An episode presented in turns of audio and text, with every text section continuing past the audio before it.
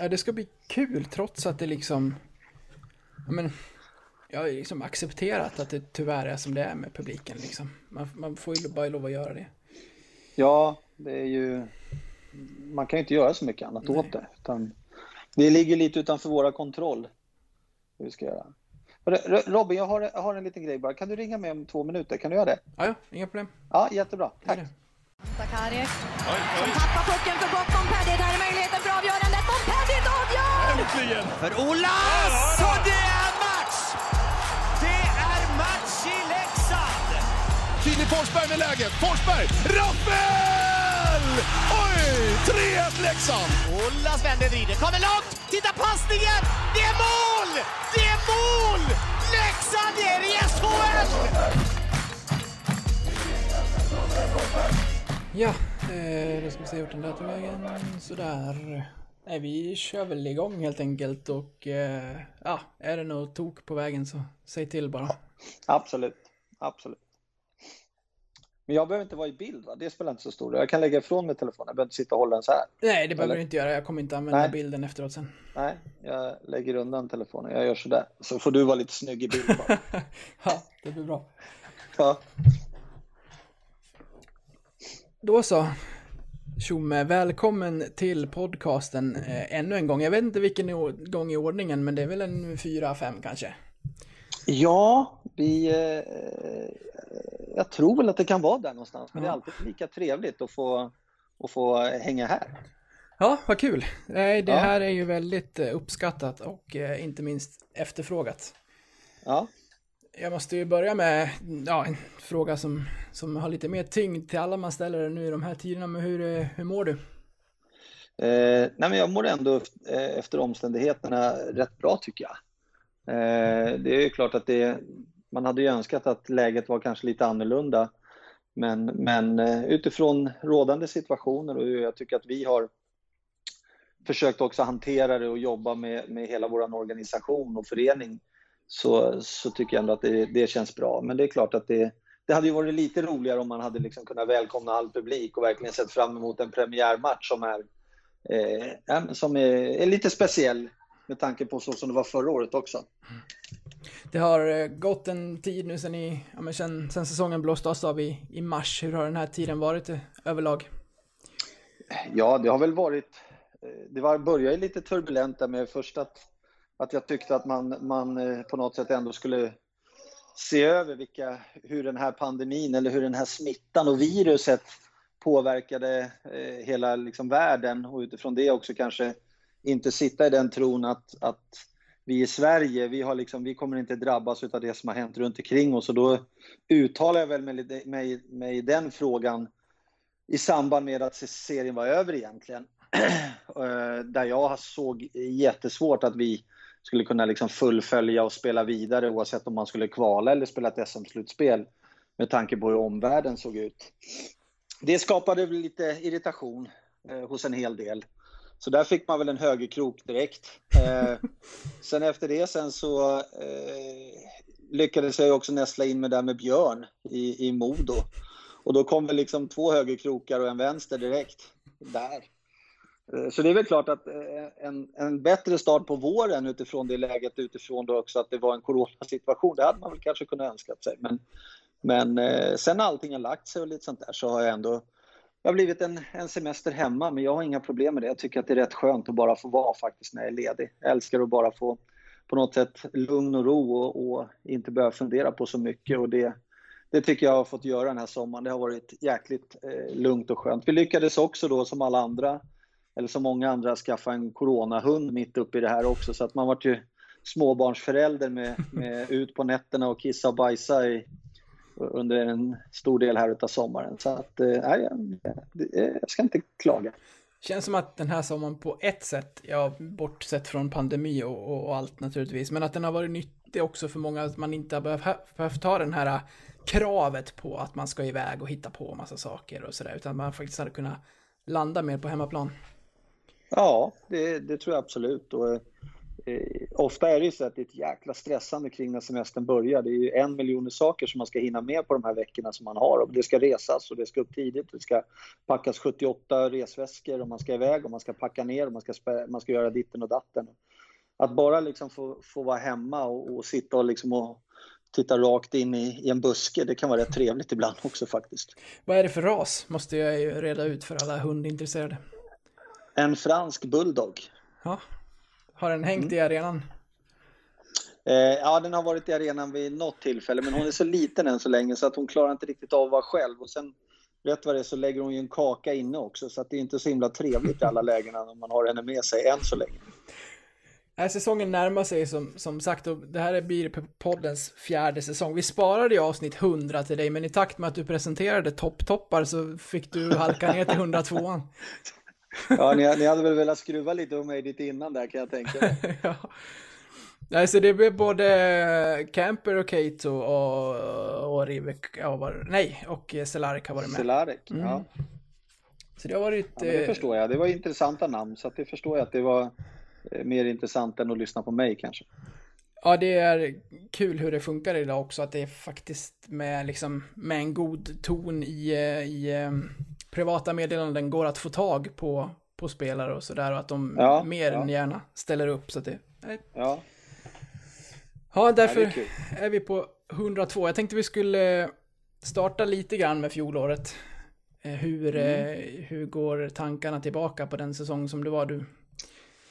Den var upp och ner och turbulent under perioden. Ja, det, det, det var ju en, en säsong där vi på något sätt ändå fick en start som vi hoppades på att kunna få. Där, inte, där vi vann lite matcher. Vi förlorade väl ungefär varannan match och, och, och vann varannan match.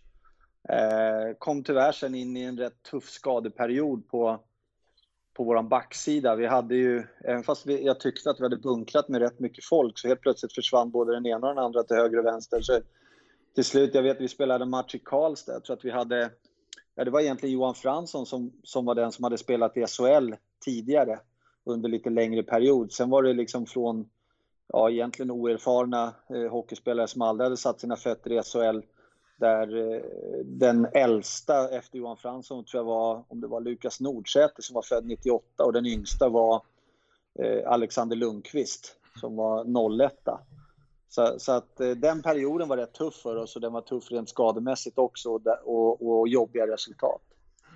Eh, och så såg väl säsongen ut för oss. Vi lyckades, tyckte att vi spelade ibland rätt bra, men vi, vi lyckades hela tiden hitta vägar och förlora hockeymatcher, gjorde vi. Eh, vi hade svårt att förvalta spelövertaget. Jag vet vi hade någon match hemma mot, mot både Färjestad och mot Örebro. Jag tror vi vann skotten med 42-18 eller 42-16 men förlorade matchen med 1-0. Eh, och sådär. Det, så det kändes som att det, det, var verkligen motvind i allt vi gjorde. Vi hade ingenting som var på något sätt en medstuds under en längre period. Och sen hamnade vi i några jobb, jobbiga svackor också som kostade mycket.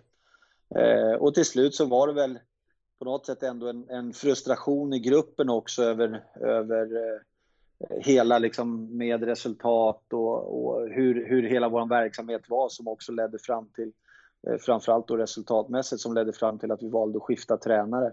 Vilket vi på något sätt inte var alls planen från första början utan planen var ju att vi skulle få en säsong. Vi visste att det skulle bli tufft men att vi på något sätt ändå skulle ta oss igenom den.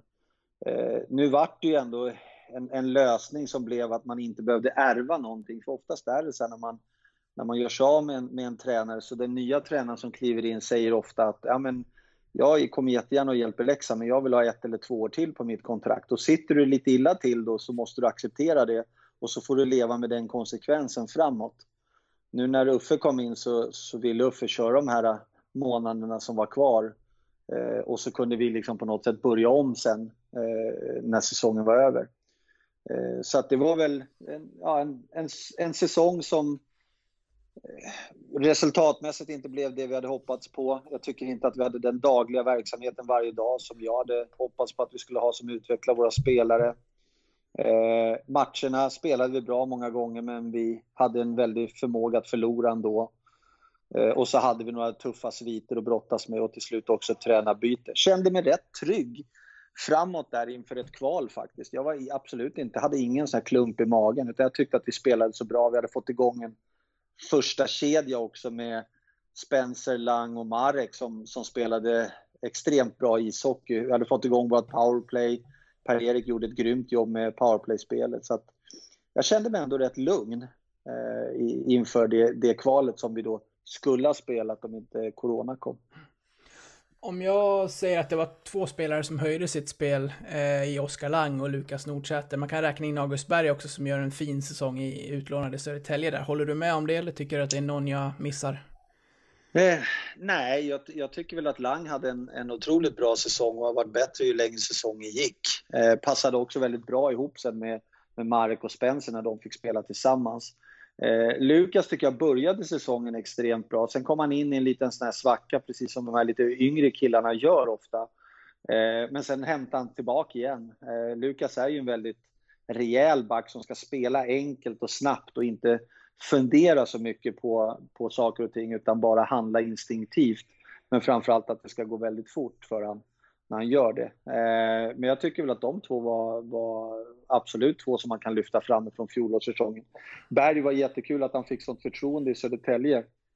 Det är ju en spelare som jag känner har stor potential men har ju med lite skadehistorik och lite problem hamnat lite liksom efter i både träning och, och, den fysiska statusen men har väldigt mycket bra saker och jag hoppas att vi, vi ska få kunna dra stor nytta av hans kunskap här framåt. Bäst på isen mot Brynäs? Ja, det tycker jag. tycker han gör. Han gjorde en jättebra match mm. nere i Skåda Trophy eh, mot Brynäs och jag tycker att han gör en superbra match här hemma. Han har vuxit ju längre säsongen har gått eh, i träningsmatcher. Lite försiktig, lite trevande i början men sen utifrån det sen eh, faktiskt tagit stora kliv. Han gjort.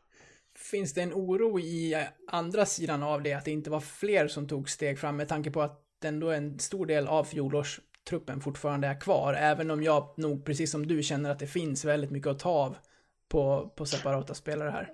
Ja, men det är klart att det gör det. Eh, det är väl klart att man alltid hoppas att spelarna ska utvecklas, men där måste man ju liksom vända spegeln mot sig själv på något sätt för att eh, se ja, men hur, vad har vi haft för verksamhet då, som har kunnat hjälpa spelarna också bli bättre. Man kan inte all, bara lägga allting i knät och säga att spelarna är dåliga.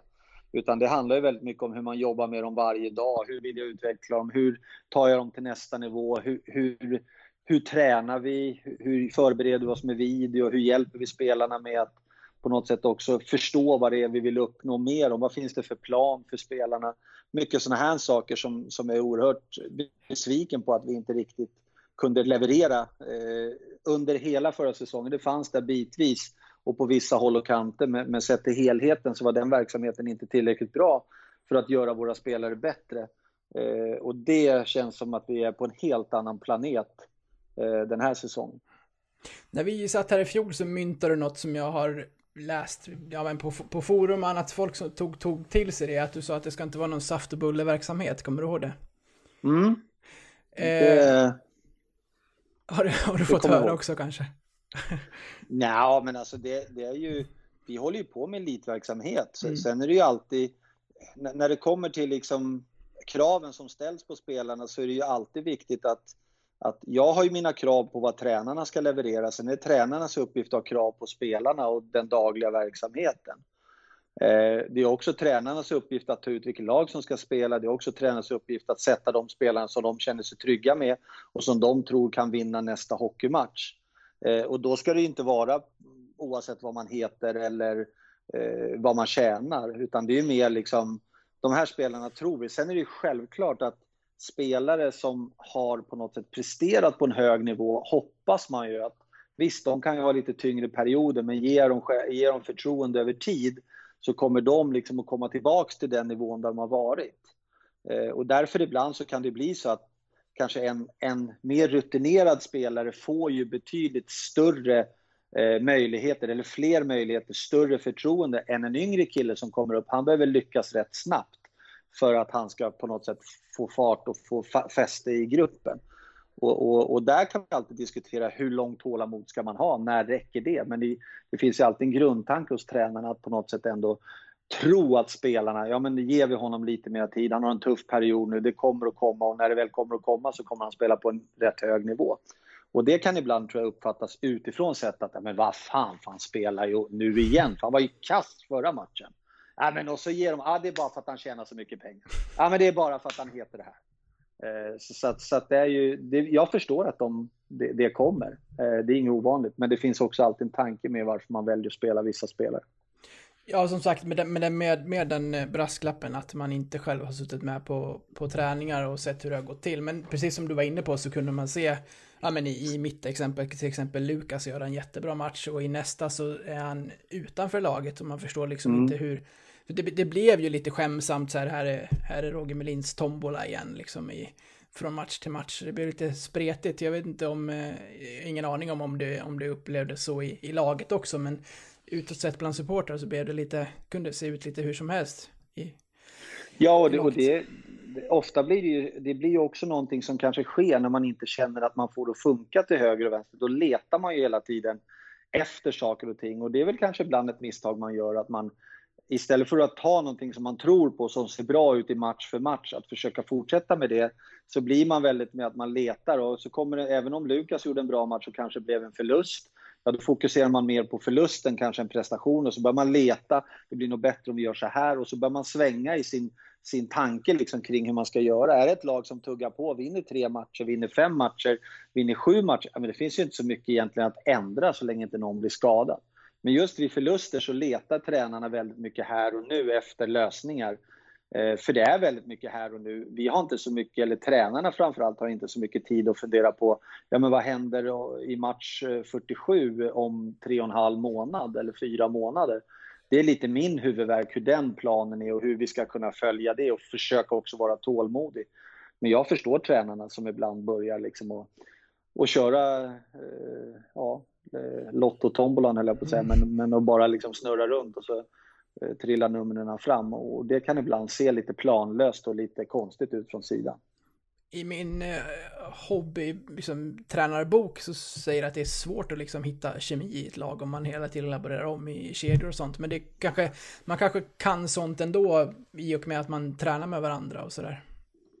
Ja, jag, jag, tror inte det. Eh, jag, jag, tror mycket mer att kemi hittar man oftast, alltså bra spelare ska spela med bra spelare. Alltså, du ska inte sätta bra spelare med lite sämre spelare för att det blir aldrig någon bra kemi i slutändan. Däremot kan du, du sänker lite den bättre spelaren och du höjer lite den sämre spelaren, men du får inte ut max utav kapaciteten på den bra spelaren i det läget. Därför vill man ju ha så bra spelare som möjligt som ska spela tillsammans eh, i det avseendet. Och det sökandet hela tiden kan ju ibland bli lite planlöst. Det kan ju bli lite, ja men nu tror vi nog att den här spelaren ska funka bättre med de här två. Och så slänger man om och så visar sig att den ena kanske, han som man tog bort, hade haft en rätt bra match förra matchen, men då tänker man att han kan göra de här bättre. Och så sätter man in honom där. Så det, det, det är ett pussel som tränare ska lägga, det är mycket press och stress på dem. Och jag, jag kan förstå ibland att, att tombolan går för att man letar efter på något sätt det, det som verkligen ska vända en negativ trend eller starta en, en winning streak. Eh, och, och, där hamnar vi nog rätt mycket förra året med tanke också på att vi hade rätt många förluster i, i, i rad också. Kan du eh, komma med, med tankar och sådär kring, eh, kring spelare som inte får spela eller laguttagningar eller sådär, eller håller du dig utanför sånt? Frågar de mig så kommer de få ett svar. Mm. Men jag rusar inte ner och, och säger vad fan håller ni på med? Utan det, det är trän. men vi har ju olika ansvarsområden. Min uppgift är ju att se till på något sätt att följa den stora planen som vi har lagt. Min uppgift är inte att gå ner och tala om vilka som ska spela ihop. Men självklart, om vi sitter och diskuterar vilka kedjor som kan funka och de ställer en fråga till mig, då kommer jag ju berätta hur jag ser på det mm. och, och mina tankar. Men, men, min roll och min uppgift är inte att peta i den dagliga verksamheten på det sättet. Jag följer jag försöker se till att vi följer den planen. Har vi bestämt att det ska vara IUP på alla spelare, då vill jag se att det är IUP på spelarna. Får inte jag se det, då kommer jag fråga tränarna varför de inte gör det eh, i det läget. Så det är mer liksom så som rollerna ser ut hos oss. Så jag är ingen som springer runt och, och, ska köra mitt race eller min väg eller det, det är bara det jag tycker som gäller. Utan tränarna ska känna sig trygga med sina beslut, de ska få fatta sina egna beslut, de ska få ta ansvar för sina egna beslut och jag ska försöka se till att vi håller rätt kurs hela tiden. Anledningen till varför jag frågar sett till den säsong som kommer nu är ju, det finns ju bra exempel i Heinemann och Åman där, om de är så pass bra att de ska ha ordinarie platser, att det, att det kommer med att man då får ta obekväma beslut med att eventuellt sätta mer rutinerade spelare åt sidan, samtidigt som Björn känns som en tränare som inte har med, ja, problem med att ta sådana beslut om de, om de är nödvändiga. Nej, och, och, det är väl egentligen så, så ska inte det, eh, oavsett vilken tränare, så ska man våga fatta de besluten som, som man tror är bäst för laget. Eh, där har ju alla tränarna kanske olika sätt att se på det. Vilket lag man tycker är bäst att sätta på pappret. Vilket lag man, eller sätta på isen, vilket lag man känner sig mest trygg med. Och Björn han jobbar på sitt sätt eh, med att han är väldigt tydlig med att ja, men, de här killarna är så pass duktiga, det är klart att de ska få chansen att spela. Det i sin tur sänder signaler till övriga gruppen att det är de här ni måste slå ut. Ni måste spela bättre än de här. Det gör att de måste också lägga på ett kol för att ta sig förbi de här och det är den konkurrenssituationen man hela tiden vill ha. Sen ska man ju också veta att både Heinemann och Åhman har ju liksom haft en hel sommar på sig att bygga och träna otroligt bra under sommaren. Som också gör att de kommer betydligt bättre förberedda in på isen den här säsongen än vad de gjorde förra säsongen.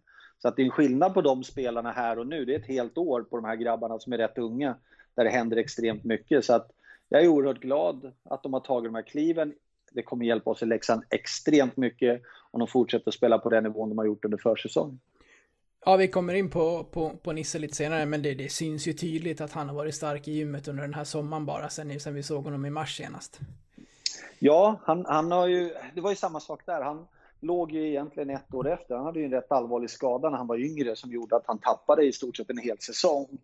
Och det är väl klart att om, om du är 0-0 eh, Eh, men i kroppen är du som en 0 så ligger du en säsong efter dina jämnåriga kamrater. Sen har ju han ett spelsinne utöver det vanliga. Så det handlar inte alltid om att vara eh, på något sätt snabbast till pucken, det handlar om att vara först till pucken.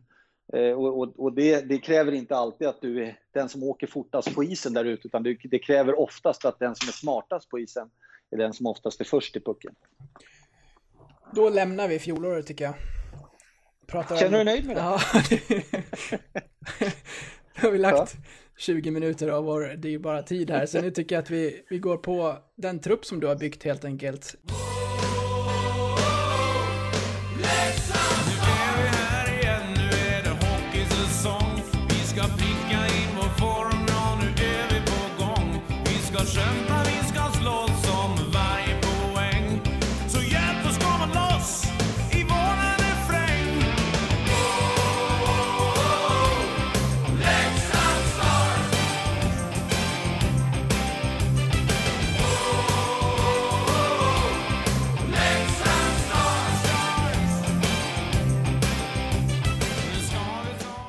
Börjar eh, från målvakterna och så tar vi spelare för spelare och eh, summerar därefter. Så vi börjar med, med Janne Juvonen. Det är ju inga nya målvakter in här, men jag tänkte ändå att du ska få ge dina tankar kring eh, målvaktsparet. Om vi börjar med finländaren. Ja, men det är väl klart att, att oavsett om det var Janne eller Brage, men målvaktsparet som sådant hade vi självklart hoppats att, att vi skulle kunna få ut mer utav totalt sett. Eh, sen egentligen spelar det inte så stor roll vem det är på något sätt som, som spelar bra, utan när säsongen slutar så, så hoppas man att man, man som målvaktspar har bra siffror som gör att det har hjälpt laget framåt.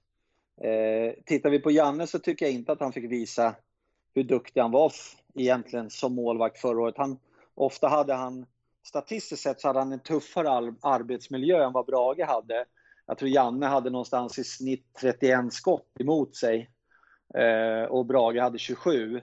Eh, Janne fick of, oftast kanske ta Skellefteå borta, eh, Frölunda borta. Eh, rätt jobbiga matcher hela tiden. Så att vi, vi kanske inte heller hjälpte Janne till att på något sätt också få växa eh, genom att få matcher där, det, där liksom vi kanske är på en, på en annan nivå om vi spelar hemma till exempel än, än om vi åker ner till Skandinavium eller till Skellefteå och spelar. Så att Janne tycker jag hade en väldigt tuff miljö hela tiden ser ju fortfarande att Janne är en ung målvakt, stor potential i honom, otroligt snabb.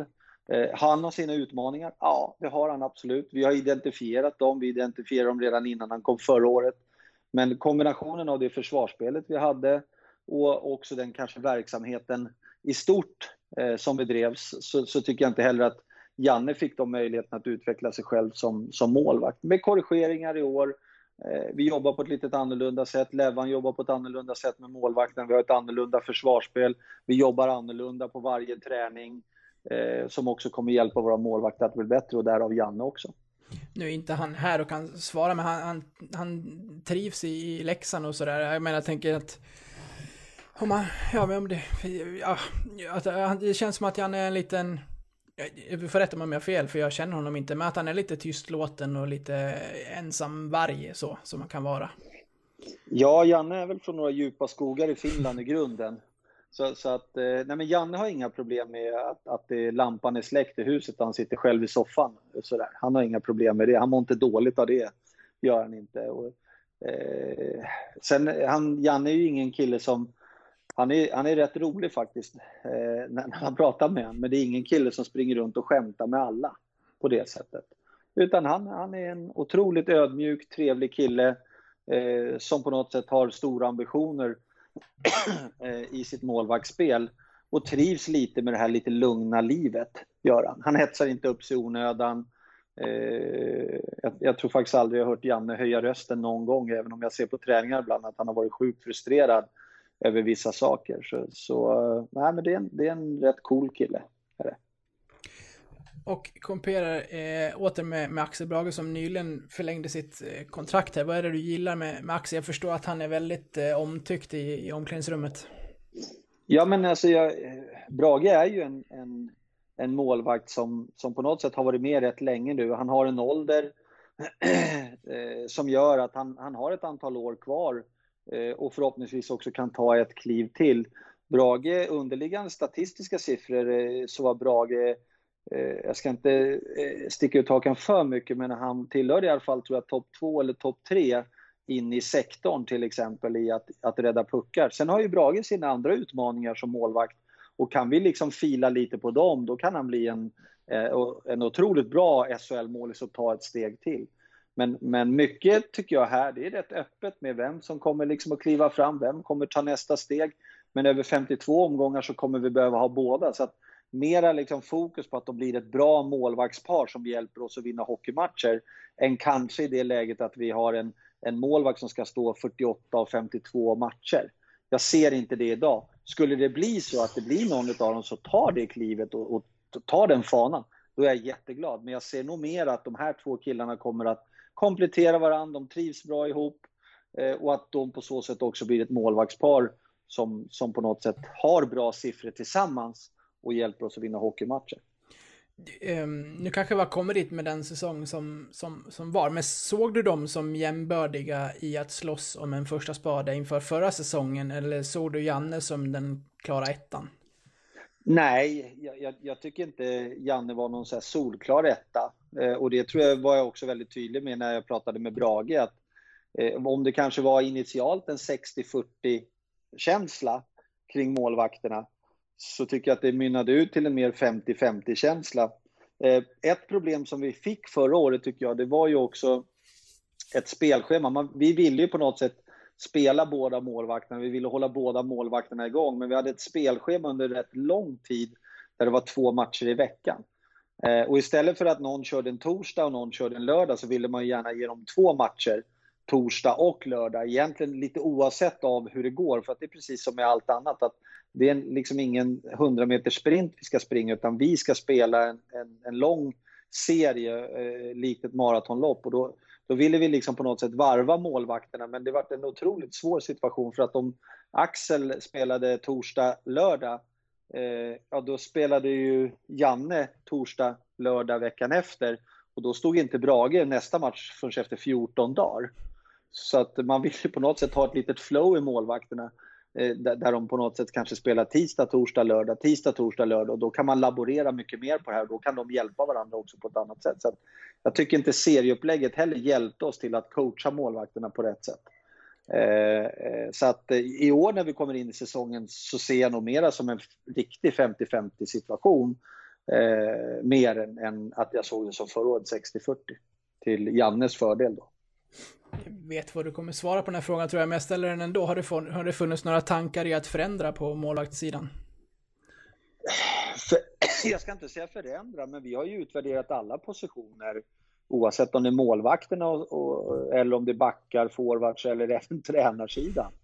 Eh, så att eh, vi har ju genomlyst allting, men, men jag tycker när vi har satt oss ner och summerat ihop allting så har vi ändå känt oss, nej men alltså vi, vi vill fortsätta ge de här killarna en chans till. Eh, och vi hoppas att de kan ta ytterligare ett steg i sin utveckling. Och, och som sagt var, addera ihop dem med en ny tränare med ett annat sätt att jobba i försvarsspelet. Eh, så tror vi att det kommer bli en, en, en bra kombo i slutändan. Eh, men självklart, jag, är inte, jag ska inte sticka huvudet i sand och säga så här. Eh, jag får ju ofta den här sköna bilden av Bagdad Bob där säger så här, nej det är inga problem med våra målvakter. Nej men de har sina utmaningar, absolut. Eh, och det är vi fullt medvetna om och vi får följa det jäkligt noga. Och det kommer vi göra med hela vårt lag. Är det så att vi har problematiska positioner eller någonting sånt där, då får man heller inte vara orolig eller rädd för att kanske fatta andra beslut.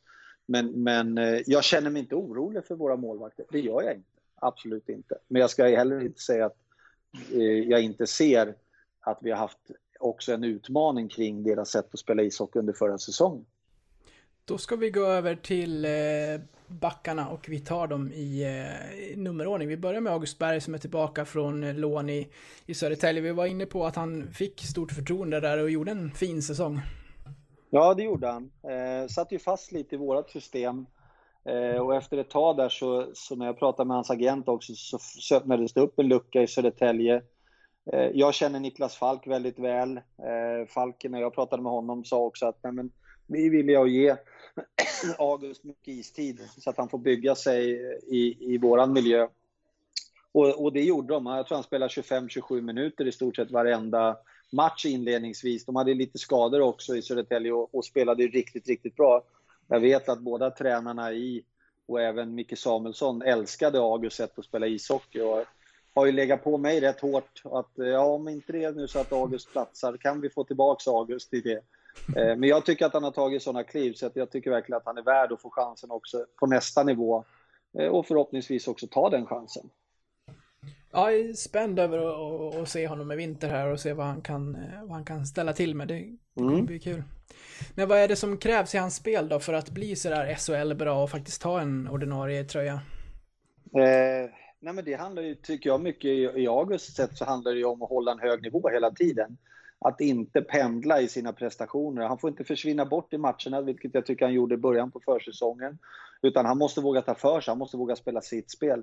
Hans stora styrkor är ju att han är väldigt aggressiv som back, läser spelet bra, kan spela pucken, bra första pass, du kan använda ditt powerplay. Och dessutom så visar han ju lite sådana coast to coast kvaliteter här nu också senast mot, mot Brynäs, vilket var otroligt häftigt för han, han besitter höga hockeykunskaper, hög hockeykompetens. Eh, och det hoppas jag att han ska få utlopp för i år. Sen behöver han ju bygga fysiken vid sidan om, han behöver bli starkare, behöver jobba med de delarna. Kanske inte så mycket uthållighet för han har bra hjärta-lungor, men att försöka bygga lite muskler också på, på, på sin kropp. Och mindre golf? ja, golf, det är, det är alltid skönt när de kan gå och koppla av lite grann, men, men eh, Eh, det är väl aldrig fel heller att, att få svinga en golfklubba ibland, så jag ska inte ta bort det ifrån honom bara för att han ska bli en bra hockeyspelare. Känns som att det är mer, eh, kanske jag är hockeyspelare överlag, men det, jag tror att det är, mer ovanligt i det här laget att inte spela än att spela golf. Ja, det finns väl två saker som har slagit igenom i det här laget. Det är väl golf och paddel, känns det som. ja. så, så, att det är väl mycket sånt som spelarna ägnar sig åt på, på sin fritid. Det sitter väl en paddelhall ihop med arenan typ? Ja, vi har ju eh, paddelhallen som ligger precis eh, över parkeringen bara mm. från där, där, vi parkerar och går in till, till Tegera. Så att eh, där inne är det många spelare som är flitiga besökare. Har du besökt? Jag har besökt en gång. Jag är ju liksom lite för, jag är lite för stor och tung. Jag är mest orolig för mina hälsenor. Jag har ju förstått att paddel kan ju också vara ett, ett bra sätt att sabba hälsenan i. Eh, och speciellt som jag då, rätt otränad, väger lite för mycket. Eh, nej, det känns inte som att jag ska utsätta mig själv för att få ha foten i en sån här betongpjäxa i, i tre månader eller vad det är. Men man kan ha bra spelsinne i paddel också som gör att man inte behöver Absolut. springa så mycket. Nej, nej, jag, jag står ofta rätt om jag spelar, så är det. Vi går vidare till, till Kalle Schelin. Eh, om mm. August fick ett stort förtroende i Södertälje så hade Kalle det lite kämpigare i Västerås. Ja, Kalle fick ju spela initialt från början rätt mycket och provade sig lite olika, eh, både första backpar, andra backpar, tredje backpar, men, men sen mot slutet så fick han inte så stort förtroende. Eh, Kalle är ju en kille som är väldigt tuff och hård mot sig själv. Och det är någonting han behöver jobba hårt med och som jag vet att han också jobbar med. Just den här att han inte liksom funderar så mycket på om det blir lite tokigheter och något misstag här och där. Eh, men så som jag har sett Kalle i år så är det en helt annan Kalle Sjödin som har klivit fram. Blivit, gått upp några kilo, eh, mycket mer rejäla i sitt spel. Kalle har ju ett bra spelsinne, läser spelet bra. Lite sådär för naiv i sitt spel och då tänker jag inte naiv med att han gör tokigheter med pucken och sådana saker utan mer att han är naiv i att han utsätter sig själv för lite farliga situationer. Därav har han en tuff skadehistorik och tittar man på Kalles skadehistorik så jag tror han har missat kanske typ 16 eller typ 18 månader totalt under sin, de senaste fyra eller fem åren. Och det är ju liksom över ett helt år av träning, både eh, på isen och utanför isen. Så att Kalle får man ge lite tålamod till också för att han ska ta nästa steg. Och jag tycker att jag ser bra tendenser hos Kalle Sjölin under den här försäsongen. Jag tycker han har gjort eh, ett antal riktigt, riktigt bra hockeymatcher. Så att jag är riktigt spänd på att se han eh, förhoppningsvis liksom, på något sätt ta ett steg som jag vet att New York Rangers tittade på när de draftade honom, att här finns det en potential i. Det är den jag hoppas att vi kan locka fram. Ja, det var min nästa ingång här, att innan försäsongen så tänkte jag att han får svårt att ta en, ta en tröja, men, men med den här försäsongen och de matcherna han har gjort så tycker jag att han har, nej, men han har, han har imponerat på mig. Ja, jag håller fullständigt med. Jag, ty jag tycker också att han har, eh, ja, men han har verkligen visat att han vill vara med och kriga om en plats och inte en kille som har visat att nej men jag tycker inte, ah, nej, uh, ah. Utan han har verkligen stuckit in näsan och stuckit in hela sin kropp i och lagt ner liksom, nej men nu i år, nu jäklar. Eh, och, och, det tycker jag känns otroligt kul för Kalle är en fantastisk människa, en fantastisk person. Eh, kör som tusan, gnäller aldrig. Eh, Såvida inte att han själv gör någonting, för då kan han gnälla rätt på sig själv. Eh, och det är väl någonting som han jobbar med, men, men i övrigt så är han ju en, en otroligt härlig kille att ha i omklädningsrummet. Men det är så ni har pratat, att han ska vara med och slåss om en ordinarie plats här? Ja, det finns liksom ingen annat för Kalle mm. heller. Att vi har ju tio backar med Alexander Lundqvist då, som har gått lite skadad. Och, och, eh, då har vi varit nio backar. Planen för Lunkan har ju varit, vi kommer ju komma till honom lite senare, men också att han kanske ska få ut och verkligen få spela seniorhockey. Eh, då är det nio backar kvar. Sett av förra säsongen så kommer man ju perioder med att det är ett par, tre backar borta. Rätt vad det är. Och, och, och där, Kalle har ju funnits med där i tanken att ja, men det finns faktiskt en möjlighet för honom att ta en, en ordinarie tröja om han fortsätter att utvecklas och spela bra. Och jag tycker att han har anammat eh, den utmaningen på, på ett härligt sätt. Vi var inne på hans skadehistorik här. Tycker du att han, eh, tycker du att han är i kapp sig själv nu så att säga, där han Förstår du vad jag menar i, i allt som han har liksom missat på vägen med, med, med alla skador som han har varit med om? Nej, det, jag, jag, tycker inte det. Jag tycker att han fortfarande har en stor utvecklingspotential, att det finns mycket, mycket att ta på. Sen har han tagit ett jättestort kliv den här sommaren som, som har gått, att han har, han har hunnit ikapp rätt mycket av det han har missat tidigare och det tycker jag man har sett på isen också. Då tar vi Lundqvist som vi var inne på där. Jag har egentligen bara att han, att han är en jättetalang, det, det vet vi ju alla. Men jag har bara en fråga egentligen. Vart, vart kommer han att spela den här säsongen? Du var inne på att han var lite lite, lite skadekänningar och sådär. Fin, finns det några planer? Jag vet inte om det pratades om, om, om en hockeyallsvensk plan för honom? Ja, så, så, så, som det ser ut nu så är det viktigast att han först och främst blir blir frisk igen mm. och kan vara 100% eh, åter i träning. Och innan dess så finns det inga planer på att göra någonting. Sen måste han ha en lite tid på sig också att få träna i kapp lite grann. Och det kanske kommer inledningsvis göra att han spelar lite juniorhockey. Han är ju fortfarande junior. Eh, men därifrån sen så vill vi ju självklart försöka sätta honom i seniorsammanhang så fort det går. Så fort han själv också känner sig redo. Eh, sen exakt när det blir, det kan inte jag svara på idag, men det är väl lite så planen ser ut. Sen ska man ju aldrig säga aldrig. Ja, återigen, vi kan få skador, det kan hända grejer under en säsong som gör att helt plötsligt kanske han faktiskt är med och tampar om en, en plats i, även i, i SHL. Men, men grundtanken är ändå att nu ska han få lite lugn och ro, träna ikapp det han har missat, känna att han kommer in i grejerna eh, och sen så får vi hantera situationen därifrån. kommer vi till eh, Lukas Nordsäter. Vi, var, vi pratade lite om honom tidigare här, men vad, ett, ett förlängt kontrakt för inte allt för länge sedan här. Hur gick dina tankar i att förlänga den? Vad är det du gillar med, med Lukas? Eh, nej men jag gillar ju Lukas på något sätt. SHL-hockeyn som spelas idag är ju väldigt snabb. Man behöver vara eh, bra skridskoåkare, man behöver snabbt ut i position, man behöver vara stark och rejäl i närkamperna. Man behöver göra klart situationen, man behöver kunna sätta igång ett spel. Jag tycker att Lukas har alla de ingredienserna. Sen har ju Lukas utmaning kan ju ligga lite grann i att han ibland blir överambitiös i sitt sätt att spela. Eh, och det på något sätt också sätter honom i, i, kanske lite jobbiga situationer, men det är en erfarenhetsgrej. Eh, det fanns inga såna betänkligheter kring att för, förlänga med Lukas. Det finns så mycket utvecklingspotential kvar i honom. Den åldern han är i. Eh, han har ju bara börjat sin hockeyresa, så, att, så att, eh, det ska bli otroligt kul att följa Lukas eh, framfart eh, under den här säsongen först och främst, och så får vi se lite vad som händer därefter.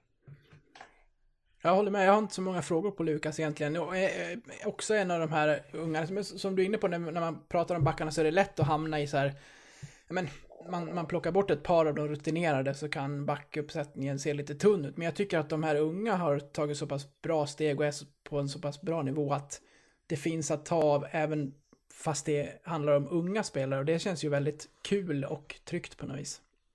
Ja, och sen, och sen så är det ju ja, men den stora utvecklingspotential på våran backsida, den bor ju kanske inte i Ahnelöv och Fransson. De ska ju hålla uppe sin nivå och spela på den nivån som har ju, de har haft i sin framgångsrika karriär. Det, det, våran utveckling där ligger ju på något sätt i de unga killarna, att de tar sina stora steg i sin utveckling. Och, och med den verksamheten vi bedriver idag så ser jag alla möjligheter för alla våra unga spelare att bli extremt mycket bättre hockeyspelare under den här säsongen. Och det tycker jag känns lite spännande också med den backsidan vi har. Att när Freddan får sätta lite tänder i de här killarna och fila lite på dem och coacha dem framåt. Det ska bli kul att se vilka steg de kan ta. Sen kommer inte alla ta jättekliv den här säsongen. Någon kommer ha en lite tuffare säsong, någon kommer hamna lite illa till. Men, men jag tror ändå att, att eh, flertalet av dem kommer faktiskt att ha en riktigt bra utveckling. Hur landar man eh, finska ligans poängstarkaste back då? Tjata. tjata, tjata, tjata. kan man, nej, så, så ska man väl inte... Eh, vi, vi hade ju rätt tidigt ögonen på, på Matt, men, men problemet var ju att vi, vi visste inte själva riktigt vilken liga vi skulle spela i. Jag tror att Matt fastnade rätt snabbt för, för vårt sätt att tänka, eh, den rollen han skulle få hos oss, att vi liksom på något sätt ja men Leksand är inte hans slutstation. Han ska vidare i sin karriär. Hans egna mål är ju på något sätt att förhoppningsvis kunna ta sig till NHL i slutändan. Eh, han såg nog också det, det, är nog bättre för hans eh, situation där han är just nu att få spela i SHL eh, än att spela i KL och försöka ta sig till NHL. Eh, blir han en, en, en stjärna i Sverige och sticker ut, ja, då kommer han ha ögonen på sig från NHL-håll och, och kanske hamna där borta och få den möjligheten. Så jag tror att det var på något sätt ändå, vi visar väldigt tydligt att vi vill ha honom. Vi kunde servera en roll till honom som, som han verkligen gillade. Vi, kommer, vi kunde bedriva en verksamhet också och presentera det för honom som, där han känner att han kommer att bli en bättre hockeyspelare. Eh, jag tror att det var sådana saker som gjorde att han på något sätt ändå föll lite för, för, för det vi hade att erbjuda. Blev det ett ljud lite burket där? Jag sitter med mina, jag vet inte, jag hade så här, är det bättre nu eller? Nej, det var bättre, det var bättre tidigare.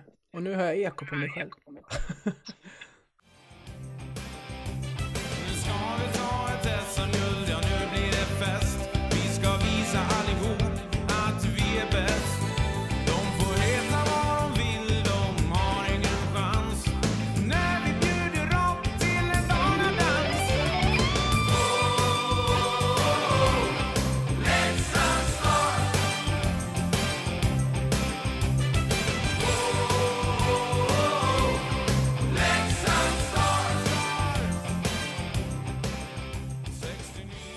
Då rullar vi vidare och eh, mm. äh, vi var inne på Matt där och precis som du sa så, så om man tittar generellt på spetsen som har värvats in så känns det som att det finns en röd tråd i spelare som sen vill vidare i sina karriärer. Hur viktigt är det när du, när du, ja, men när du värvar spelare av den här högre kalibern? Ja, men någonstans så måste du kanske ha på något sätt en, en stomme som på något sätt har, eh, Eh, har en hög kapacitet och en hög kvalitet men som har gjort sina de här grejerna. Eh, inte för att de ska vara bekväma och lata och bara liksom tycka att livet är rätt skönt i Leksand. Utan de ska fortfarande ha på något sätt en drivkraft till att ja, men jag vill verkligen hjälpa Leksand att etablera sig i SHL. Jag vill hjälpa Leksand att ta nästa steg. Eh, den stommen är extremt viktig. Sen måste du ha de här killarna där det finns stor utvecklingspotential i. Eh, ja, men det, det, var lite som jag sa förut att det handlar inte om att eh, att på något sätt att våra äldre stomspelare som kanske är över 32-33 år, det är inte där utvecklingen ligger. Är inte, utan det är de yngre killarna bakom som på något sätt ska ta de kliven som gör att Leksand blir det här eh, riktigt bra hockeylaget. Sen ska de här äldre spelarna hålla uppe sin nivå och tävla för att verkligen på något sätt hålla de här yngre bakom sig. Men, men, men det är inte i de äldre som den stora utvecklingspotentialen ligger i.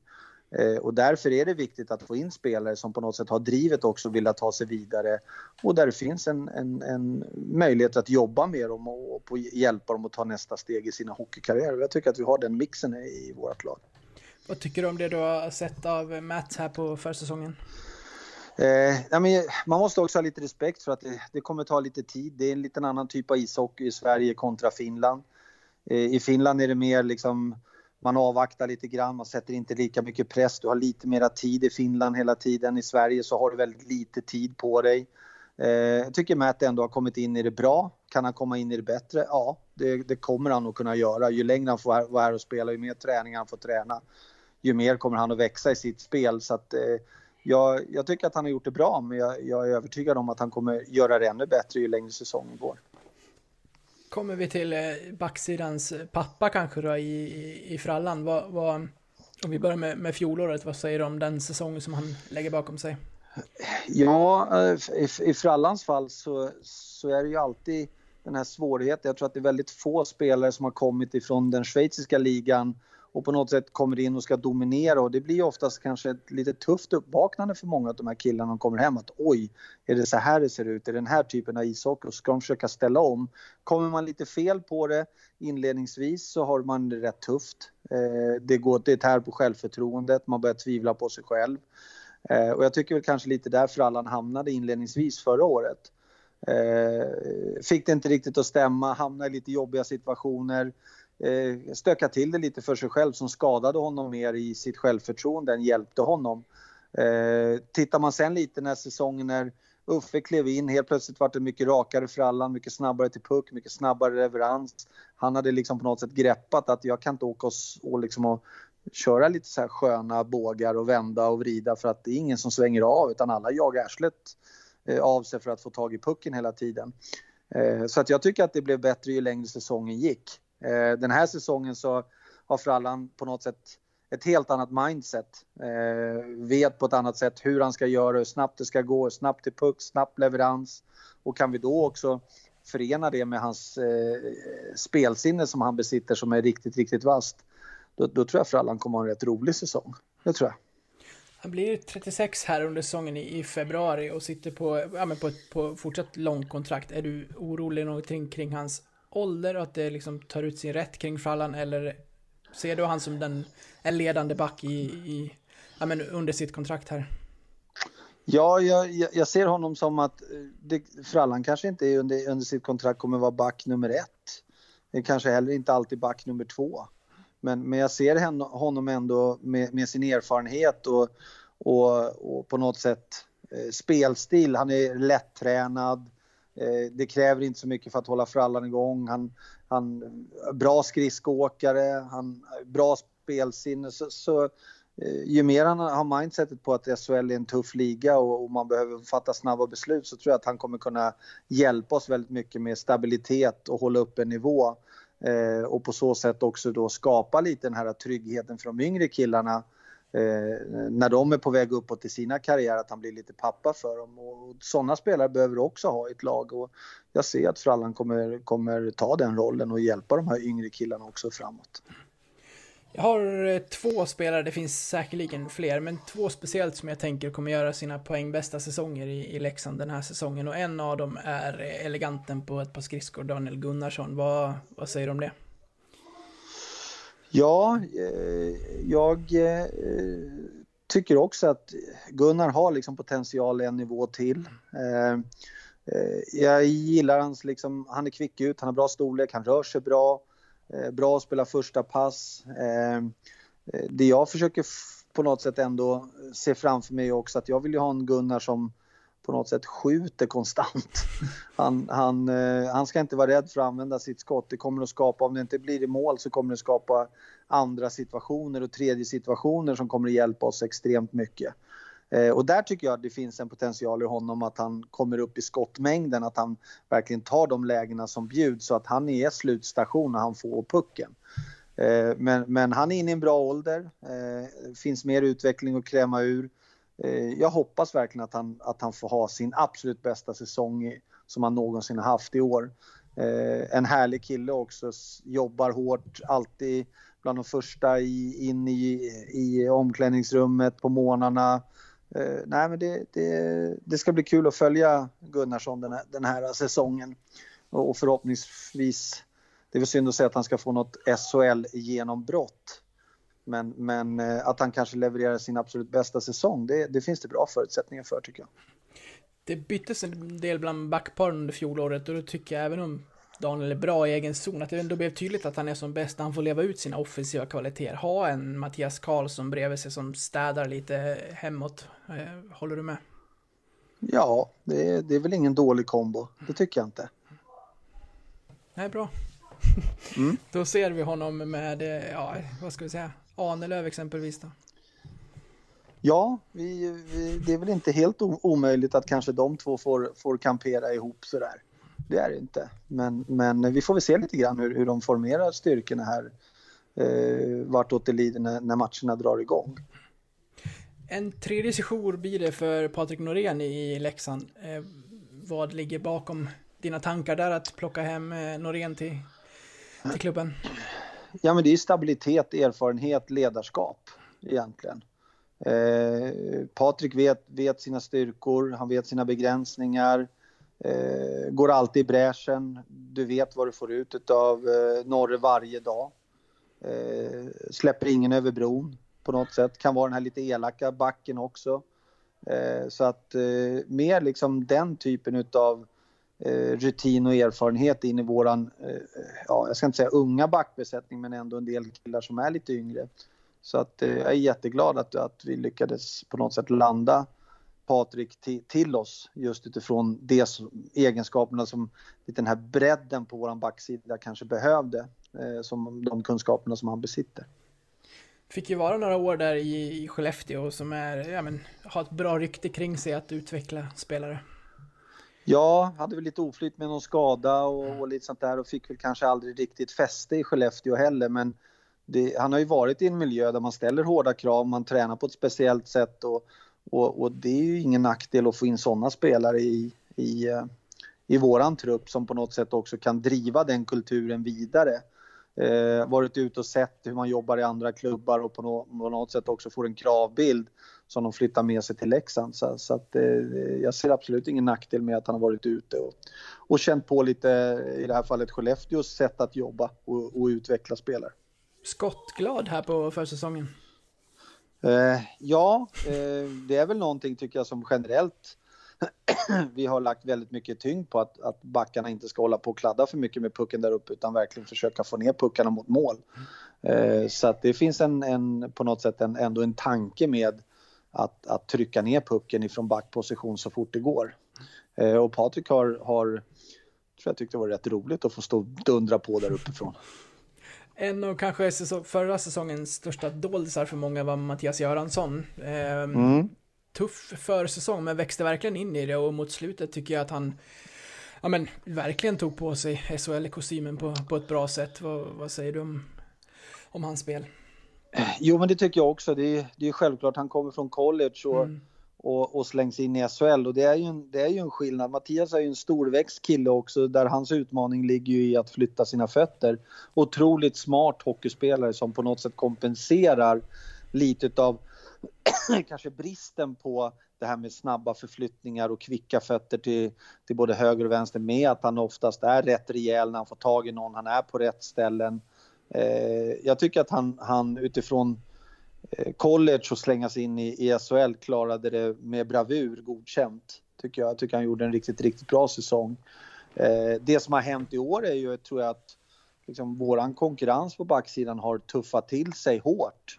Eh, och, och, och, det är en utmaning för alla våra backar, inklusive Mattias, att på något sätt, okej okay, nu, nu har jag varit på den här nivån, nu behöver jag göra någonting mer för att konkurrensen är mycket tuffare. Eh, men han, han är en kille som är otroligt seriös, eh, smart hockeyspelare, eh, både när det kommer till liksom mm, skarp utanför isen men även också smart på isen. bra i sin defensiv, noggrann i sin defensiv och hans utmaning ligger ju liksom lite mera i kvickheten. Men, men det finns ingenting som säger att man inte kan utveckla den och jobba med den och det vet jag att tränaren också har satt lite lampan på. Ja, med, med, med den utveckling som man hade då under fjolåret så kan vi ställa lite högre krav på Göran här i, i vinter då. Ja, det tycker jag. Jag mm. tycker att man, man eh, inte alls ska på något sätt eh, inte ställa högre krav på någon. Utan tanken är ju att ska vi bli ett bättre lag så måste alla spelare växa och utvecklas. Inklusive eh, Mattias. Då kommer vi till en back som har haft en lite, ja vad ska man säga, han var med om en lite obehaglig sak här under försäsongen. Utöver det så har han, han spelat bra matcher, Jonas Ahnelöv, men om vi börjar i den otäcka änden, vad, vad, vad, vad tänker du kring det som hände honom där med ja, men någon skridsko som kom högt mot, mot halstrakten. Ja, det är väl klart att det är otroligt obehagligt. Han hade ju eh, också tur i oturen då. Eh, att, att det var mera liksom ett skärsår än att det skulle ha påverkat då kanske framförallt någon, någon stor blodåder som går där. Men det är väl klart att det alltid är obehagligt för alla inblandade när no någonting sånt här händer. Och man blir ju, man blir ju liksom extremt på något sätt eh, ja, jag vet inte hur man ska uttrycka sig, men man blir extremt varse om eh, faror som finns och hur snabbt det kan ske. Men, men nu lyckligtvis har det gått bra med Jonas. Jag tror ju dock att han själv någonstans också, när sånt här händer så får man alltid en tankeställare själv om livet i största allmänhet, familj och barn och det är väl lite de tankarna Jonas har liksom brottats med.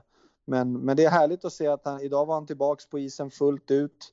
Han hade ingen annan tröja, han deltog fullt ut i hela verksamheten. Och det är ju ett jättepositivt steg i att för han att ta sig tillbaka in i det här. Så att eh, han hade ju en sjukt eh, rolig säsong förra året, hans bästa poängmässiga säsong eh, i hela hans karriär. Eh, vilket var roligt och kanske inte riktigt man hade förväntat sig när man värvade Jonas Ahnelöv.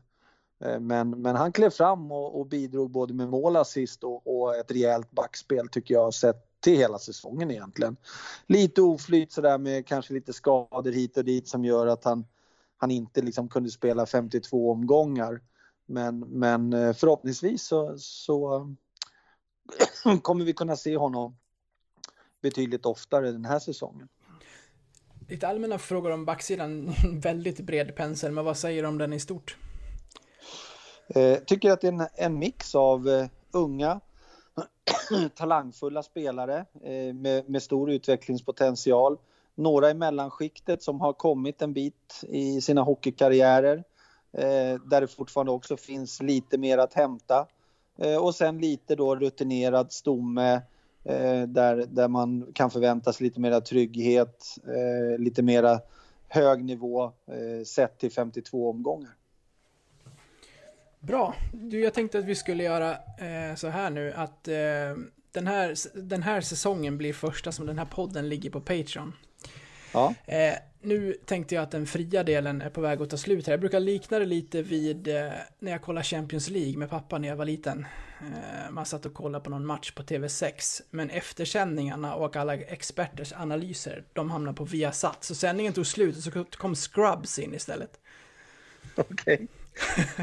ja, jag förstår vad du menar. Ja, så satt man där och kände sig så här, fan, man var lite utanför för man fick inte höra liksom eftertugget på någon Nej, eh, Champions det League-final eller sådär. Exakt. Ja. Så eh, målvakter och backar tänker jag ligger ute för alla, men vill man eh, lyssna vidare på, på forwards och även lyssna frågor så kan man gå in på Patreon och hitta oss där. Det kostar 17 spänn i månaden. Så att, mm, så är Ja, det. Vi spännande. säger, vi säger eh, tack till alla som eh, lyssnade på den här delen. Eh, och så blir det lite mer mysigt och gemytligt nu med de 300 som hittills har signat upp. Ja. Bra. Snyggt.